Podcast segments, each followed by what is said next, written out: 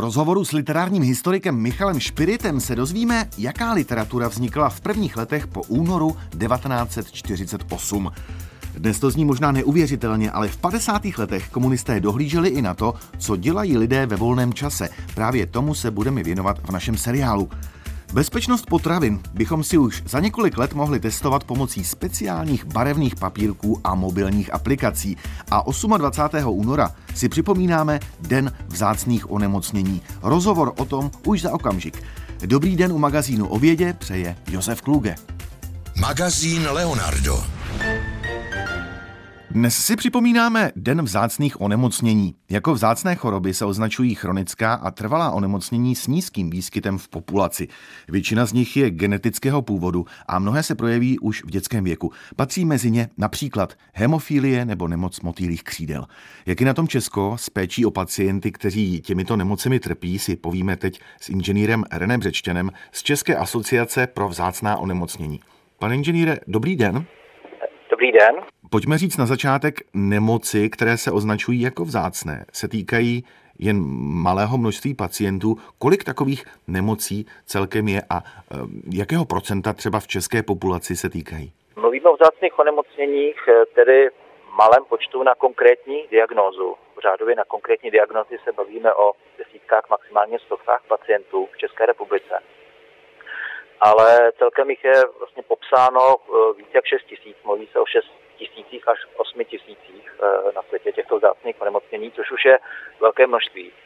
A statisticky hovoříme přibližně o 6% populace v rámci Evropské unie, která by měla být nějakým způsobem postižena eh, vzácným onemocněním. Z toho nám vyplývá, že v České republice by se vlastně mělo jednat o 100 000 pacientů. Méně my konkrétně víme přibližně o 20 tisíc pacientech, kteří jsou správně diagnostikováni eh, a mají odpovídající lékařskou péči a jsou vedeny v eh, konkrétní eh, lékařské péči. Kde je ta hranice, která určuje, zda nemoc je, anebo tedy není vzácná? Společným a určujícím znakem je vlastně výskyt konkrétní diagnozy v populaci. A za vzácné je považované takové onemocnění, které se projeví u méně jak pěti lidí na 10 tisíc, nebo jinak ještě řečeno jeden ze dvou tisíc. A jak jsem již řekl, mluvíme teda maximálně o stovkách naší republice na jednu diagnózu, ale jsou i ultra vzácná uh, onemocnění, kde vlastně mluvíme o několika lidech uh, třeba na celém světě nebo jedním, jednom zástupci v České republice. Takže ten výskyt je opravdu vzácný. Dá se říct, jak jsme na tom u nás s léčbou těchto nemocí a mají naši pacienti k dispozici nejnovější léky, které jsou ve světě? V Evropě nebo v rámci Evropské unie je ročně schváleno přibližně 14, 15, 16 nových eh, léků pro vzácná onemocnění, které nazýváme orfany, orfanů. Ale v České republice však problém eh, je vůbec tyto nové léky dostat do úhrady a dostat je brzo k pacientům. Ten eh, problém je, že na rozdíl od standardních zemí nebo zemí Francie, Německo, Anglie, kde tento proces dostat se do úhrady lék eh, trvá několik řádů, několik měsíců, tak eh, u nás se bavíme o eh, letech, dva až tři roky. Říká René Břečťan z České asociace pro vzácná onemocnění. Děkuji za rozhovor. Já taky děkuji a přeji hezký den vám i vašim posluchačům. Všichni si chceme kupovat zdravé potraviny. Takové, ve kterých je co nejméně chemie. Jak je ale vybrat? Jednou z možností je jednoduchý barevný test, který zjistí, jestli v ovoci nebo zelenině, které jsme si přinesli z obchodu, nejsou jedy užívané k hubení hmyzu. Tak si vědecký tým z Vysoké školy chemicko-technologické představuje budoucnost testování potravin. Martin Srb si nechal vysvětlit, jak by domácí testy už za několik let mohly vypadat kousek papírku, celulóza, na ní bude imobilizovaný enzym, acetylcholin esteráza, nějaký návod, jak opláchnout ta rezidua z povrchu té potraviny. Ne vždycky to jde vodou. Pak tam budeme mít lahvičku s nějakým chromogenním činidlem, to znamená na vyvinutí barvičky, zatím máme žlutou barvu. Vysvětluje profesorka Jana Hajšlová z Vysoké školy chemicko-technologické. Zatím to zdánlivě připomíná starý dobrý lakmusový papírek. Čím více pesticidu, tím více barva zbledne. jenomže právě v tu chvíli nastupuje moderní technika. Bylo by velmi obtížné pro konzumenta vyhodnotit, jestli už jsme na tou nebezpečnou hranici nebo nikoliv. Také různé osvětlení může barevný odstín nějakým způsobem ovlivnit, ale my budeme mít eh, software, aplikaci v našem chytrém telefonu, v běžném telefonu a ta aplikace po pořízení snímku provede určitou standardizaci a zároveň nám vyhodnotí předběžný údaj o koncentraci té sledované látky. Právě zapojení fotoaparátu a speciálního kalibrovaného programu v telefonu je zásadní inovace. Barevné testy potravin totiž už několik let existují. Jistá americká firma je nabízí na internetu.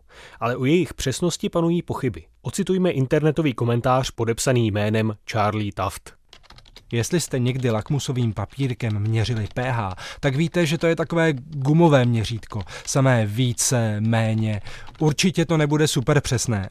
Když ale bude barvu testu vyhodnocovat program, bude to přesnější. Podle profesorky Hajšlové si časem poradí i s barevnými potravinami, jako je červená řepa.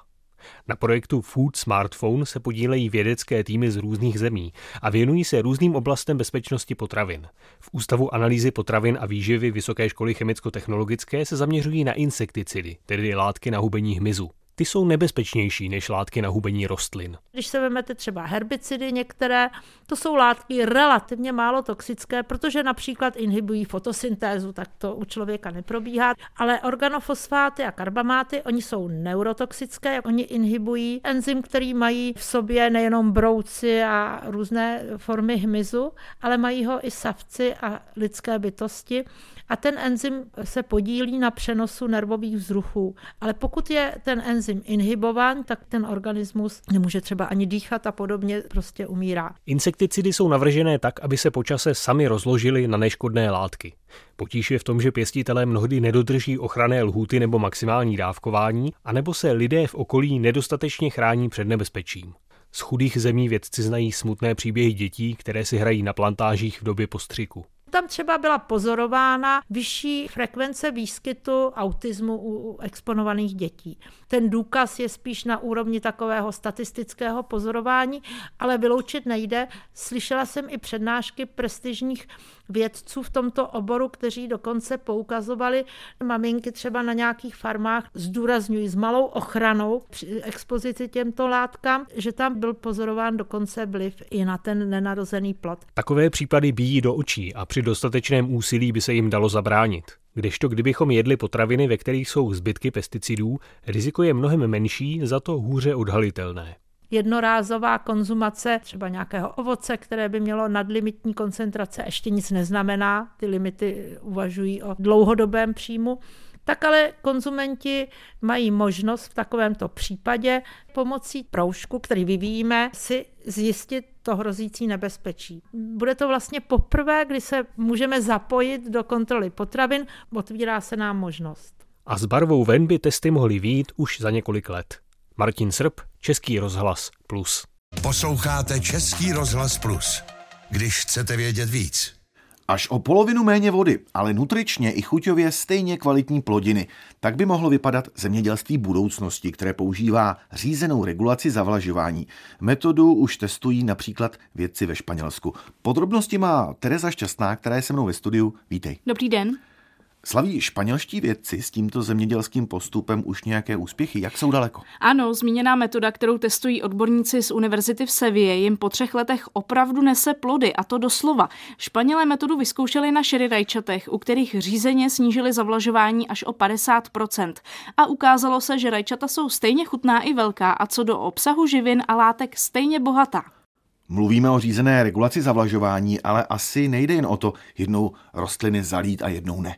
Tak jednoduché to skutečně není, naopak množství vody i doba zalévání se odvíjí od toho, v jaké zrovna fázi se rostlina nachází. Vše je tedy velice pečlivě plánované, jak vysvětluje spoluautorka studie Mireja Korelová. Při řízeném zavlažování dodáváme rostlině vodu v těch fázích růstu, kdy je citlivá na stres. Naopak v době, kdy je rostlina nejodolnější, zálivku snížíme.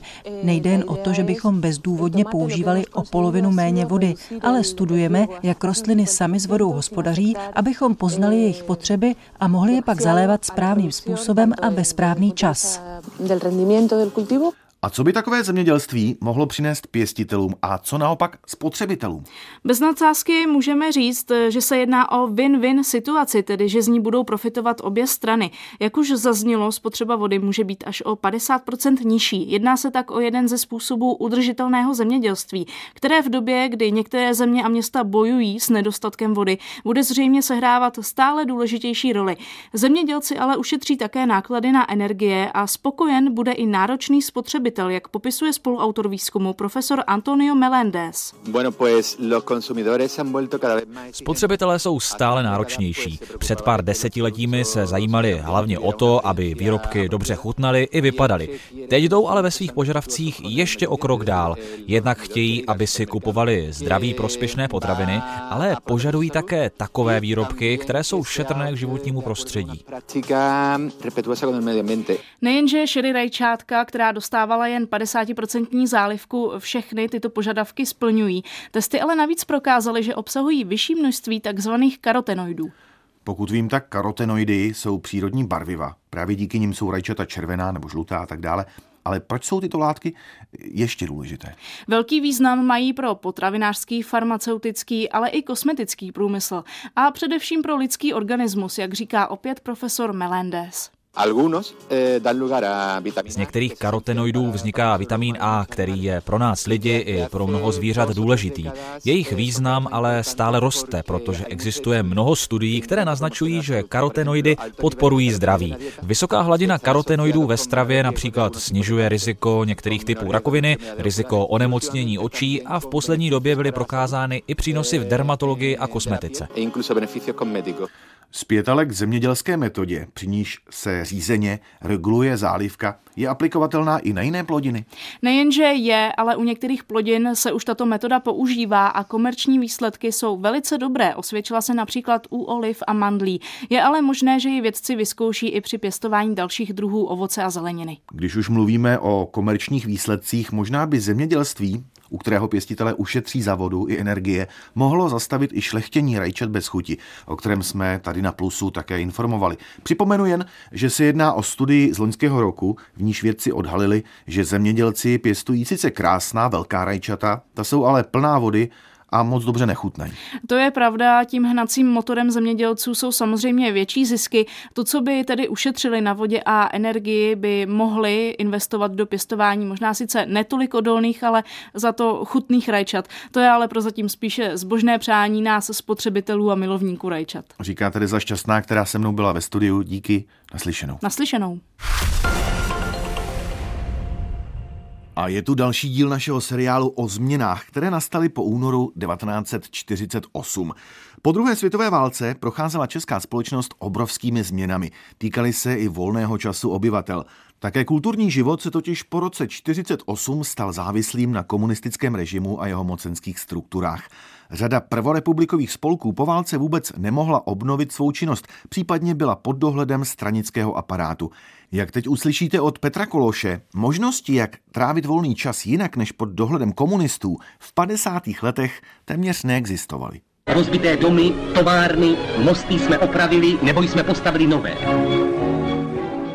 Za nejdůležitější umění považovali komunisté film a posléze televizi pro jejich masovost.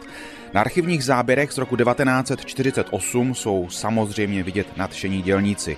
Budují nový stát, který předtím zničila válka. Tak se zrodil dvojročný plán obnovy a výstavby, první hospodářský plán naší republiky.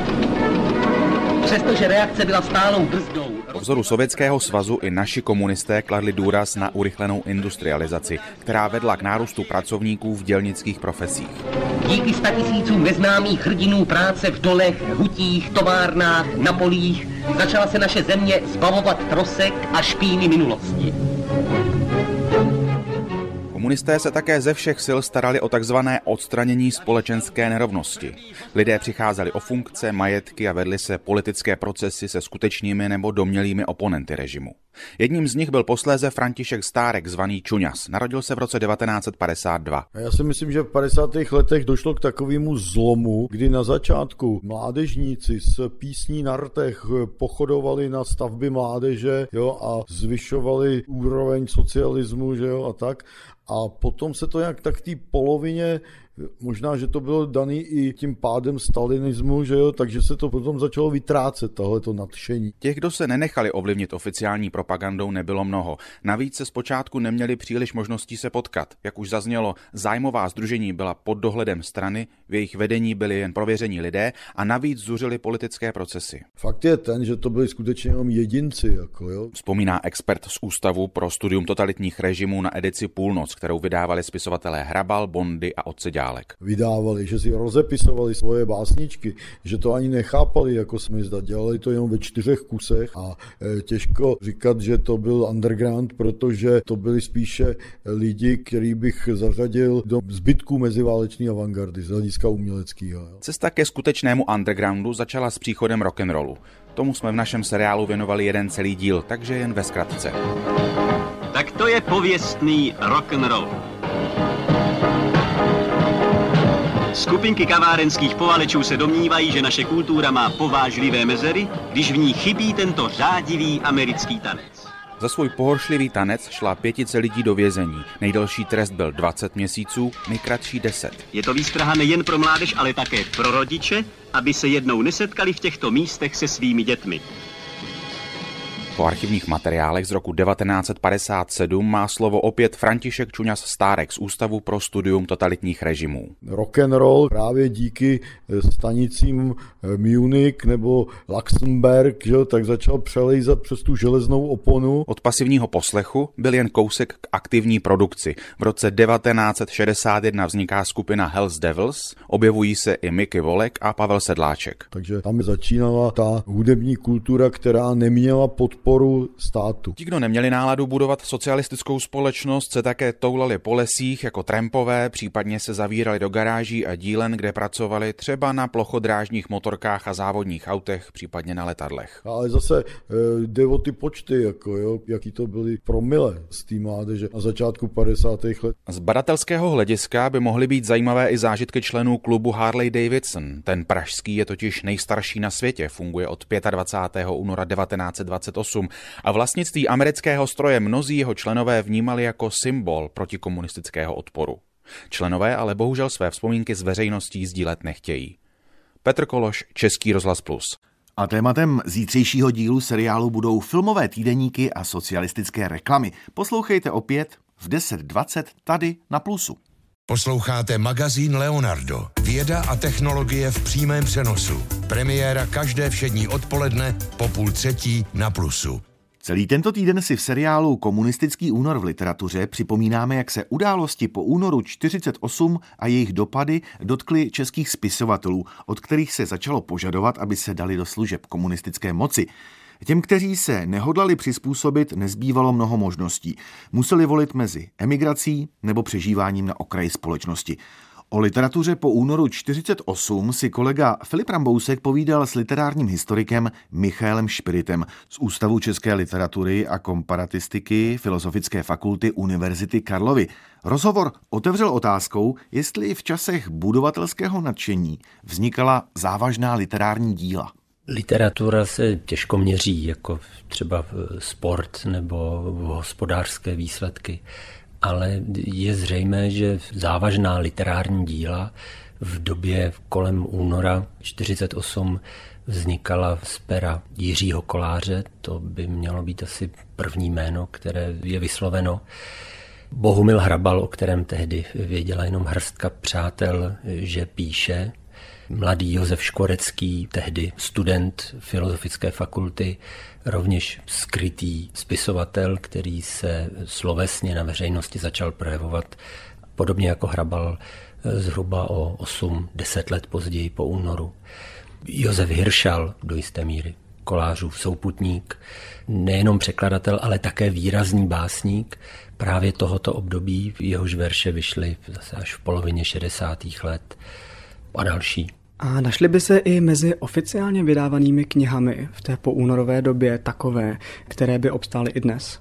Míníte-li slovem obstát to, zdali eh, jsou ty texty čitelné, zdali jsou srozumitelné bez eh, nějakého bližšího seznámení s dobovým kontextem, tak se domnívám, že nikoli. První knížky, které můžeme z toho období po únoru snad číst jako regulérní, jak to říci, opravdové umělecké výkony, jsou některé básně z okruhu autorů kolem časopisu Květen z let 56-57. Únor 1948 byl bezesporu historický milník. Zároveň ale nelze nevidět určité prvky kontinuity, a to i v literatuře. Ať už to vztáhneme pouze na období 45 až 48, nebo na meziválečné Československo, kdy takřka celá umělecká avantgarda byla levicově orientovaná. To je známá věc. To ano, ale s tím slovem kontinuita bych byl velice opatrný, když rozumím, v jakém smyslu ho používáte. Meziválečná avantgarda byla převážně levicová, ale byl to jenom díl tehdejšího literárního nebo uměleckého proudu. Byla hlasitá, byla nesmírně zajímavá, ale vlastně tvořila menšinu tehdejšího literárního života. Zaměřme se nyní na to, co se v literatuře dělo od února 48. Jak si komunisté představovali ideálního spisovatele, jaké mělo být jeho literární dílo a vůbec vztah k společnosti? Spisovatel měl plnit základní ideologické požadavky komunistické strany a to byla zejména výchova k dobrému komunistickému poddanému, eh, jakkoliv se samozřejmě to slovo poddaný nevyskytovalo.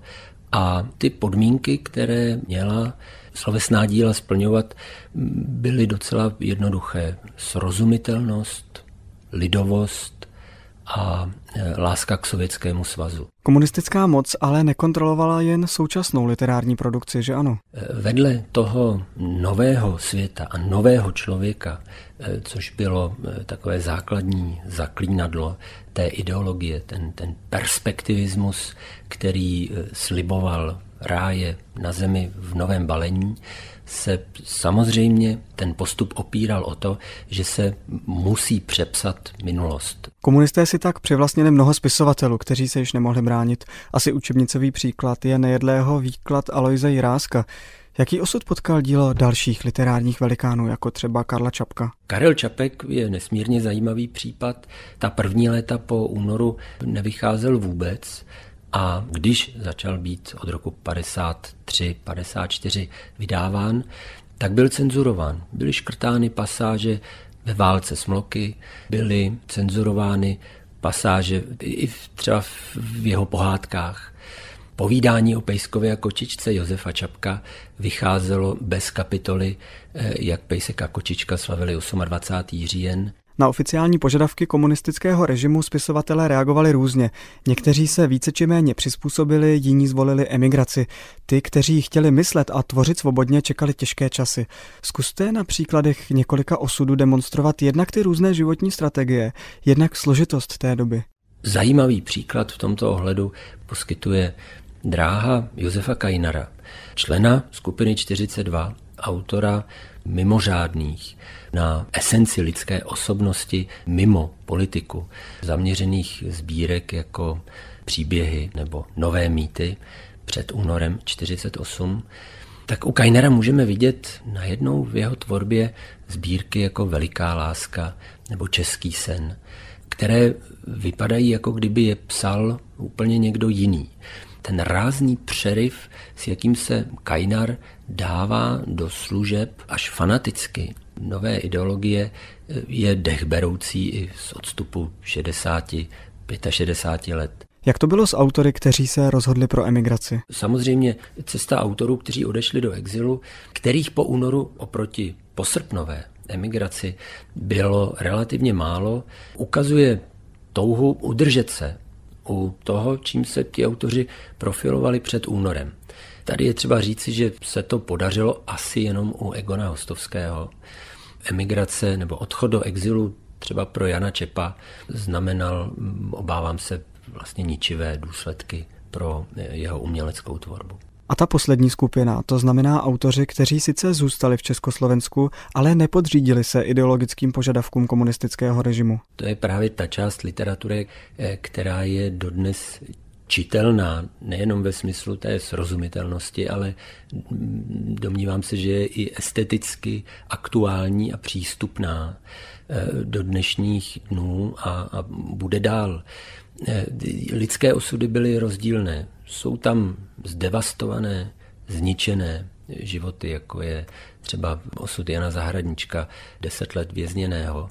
Nicméně i ve vězení mohl Zahradníček psát verše, které pak po jeho smrti byly vydány. O Jiřím Kolářovi jsme už mluvili. Je tu zkrátka ta nejpodstatnější množina autorů, kteří nerezignovali na svou lidskou existenci jako na existenci, jak to říci, spisovatelskou. A i když neměli možnost psát pro čtenáře v desetitisícových nákladech jako jejich eh, nadšení, radostní nebo konjunkturální kolegové, tak ukázali, že literatura může přežít i v době nevyhlášené války proti vlastnímu obyvatelstvu. Jak hlubokou stopu podle vás zanechalo období stalinismu v české literatuře a kultuře vůbec? Stopa to byla mm, hluboká. To je něco, co myslím lze srovnat eh, s násilnou rekatolizací v 17. století. Změnilo se během krátké doby úplně všechno. Důsledky byly od politických poprav až tedy po odchody do exilu a zničené lidské existence. Nicméně touha po svobodě a po svobodném uměleckém vyjádření zahubena nebyla a literatura, nebo ta její část, ta lepší část z ní žije dodnes. Uzavírá literární historik Michal Špirit v rozhovoru s Filipem Rambouskem. Vy se k tomuto rozhovoru, ale i k celému našemu magazínu můžete vrátit i na webu rozhlas.cz lomeno Leonardo. Hezký den přeje Josef Kluge.